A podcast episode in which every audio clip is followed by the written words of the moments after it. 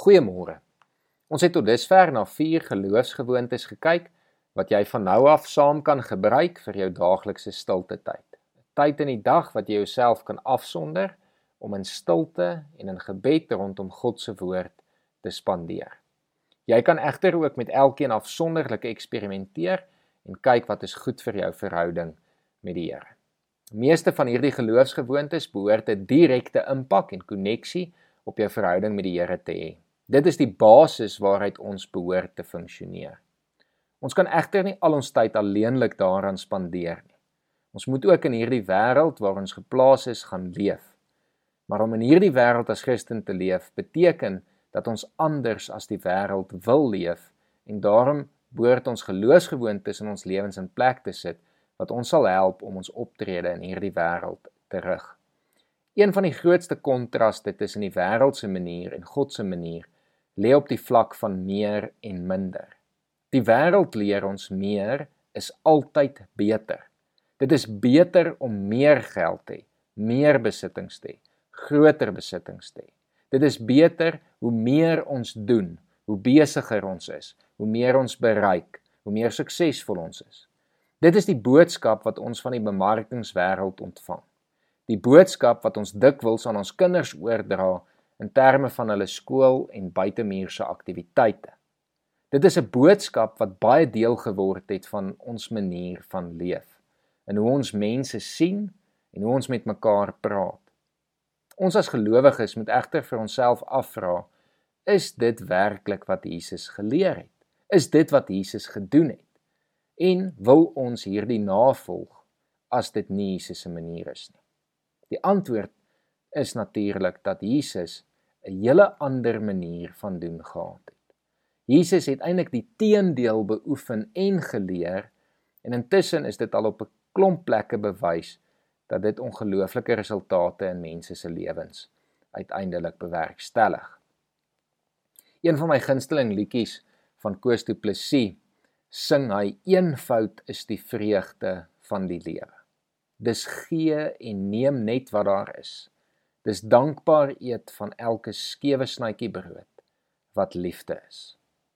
Waar die wêreld ons wil oortuig dat meer beter is, is Jesus se manier heelwat anders. Jesus leer ons 'n leefstyl van eenvoud.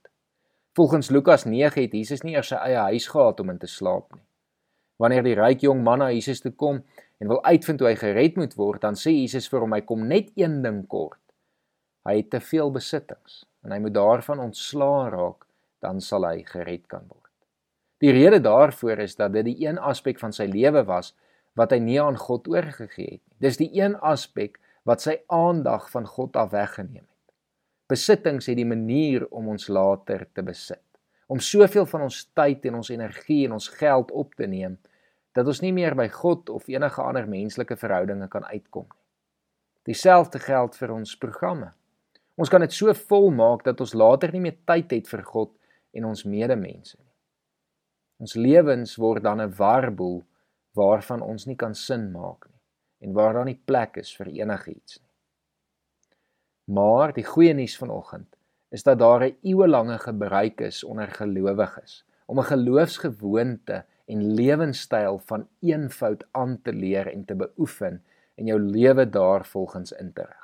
Om jou lewe skoner te maak, minder vol te maak en in eenvoud op te stel sodat jy tyd, energie en geld oor het vir dit wat regtig belangrik is, naamlik jou verhouding met God en jou medemens.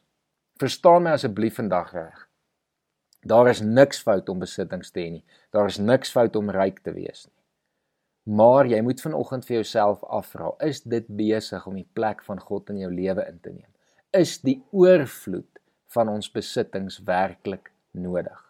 Ons het nodig om vandag onderskeidingsvermoë toe te pas van wat nodig is, wat goed is en wat raak in ons lewens te veel. Wat sluk ons uiteindelik in? Ek besef dat hierdie 'n moeilike geloofsgewoonte is. Ek besef dit daag 'n hele wêreldstelsel uit. Ek besef dit daag dalk 'n klomp gewoontes in jou lewe uit. En jy gaan dan hierdie gewoontes moet afleer om plek te maak van hierdie nuwe geloofsgewoonte. Maar ek glo dat hierdie geloofsgewoonte vir jou en die mense rondom jou tot baie seën kan wees. En daarom wil ek vanoggend sommer net 'n paar voorbeelde noem van dit waarmee jy kan begin om hopelik stelselmatig 'n meer eenvoudige lewe te lei. Eerstens wil ek jou vra om vandag of môre of ergens deur die week deur jou besittings te gaan en te kyk waarvan jy dubbels het. Uh dis die maklikste plek om te begin om te kyk is daar iets waarvan ek 2 het en ek het net een nodig en dan probeer jy een van die items weggee. In hierdie proses leer jy dan sommer nog 'n geloofsgewoonte aan, naamlik gee, maar ons gaan later by dit afsonderlik stil staan. Tweedens wil ek vir jou vra om in die volgende paar dae niks te koop wat nie regtig nodig is nie. Weerhou jouself daarvan en probeer op hierdie manier vir jou 'n nuwe gewoonte aan te leer om nie onnodige items te koop nie, maar in eenvoud net te koop wat jy nodig het. Derdens wil ek vir jou vra om vir 'n uh, tyd erns te gaan uiteensit en na jou program te kyk. En vir jouself af te vra watter aktiwiteite is onnodig? Watter aktiwiteite raak te veel? En dan dit so te kies en jy kan hierdie dalk 'n gesinsaktiwiteit maak om saam met jou gesin te besluit watter aktiwiteite gaan ons los sodat ons meer tyd en energie vir mekaar en vir God het. Ek wil vanoggend afsluit met die woorde van 1 Tessalonisense 4 vers 11 waar daar staan laat dit vir julle 'n saak van eer wees om rustig te lewe julle met julle eie sake besig te hou en self in julle lewensonderhoud te voorsien kom ons bid saam Here ons besef dat ons vanoggend besig is met 'n moeilike gewoonte Here om 'n lewenstyl van eenvoud aan te leer is nie maklik in 'n wêreld wat die teenoorgestelde vir ons wil leer nie. Here ons het waarskynlik al so gewoond geraak aan die wêreld se manier dat dit vir baie van ons moeilik gaan wees om anders te begin leef, om rustiger te leef en meer eenvoud te leef. Maar Here ons weet dat dit uiteindelik nodig is want dit is u koninkryk. U koninkryk wat mense wil uitnooi om genoeg tyd en energie oor te hê vir mekaar en vir U. En Here, ons wil kom vra vir elkeen wat hierdie gaan aanpak dat U deur U Gees hulle sal lei. Here, mag U by hulle wees, mag U hulle help, mag U hulle versterk ook daar waar dit moeilik raak en mag hulle vreugde vind in die eenvoud in 'n een eenvoudige lewe. Ons bid dit in Jesus se naam. farming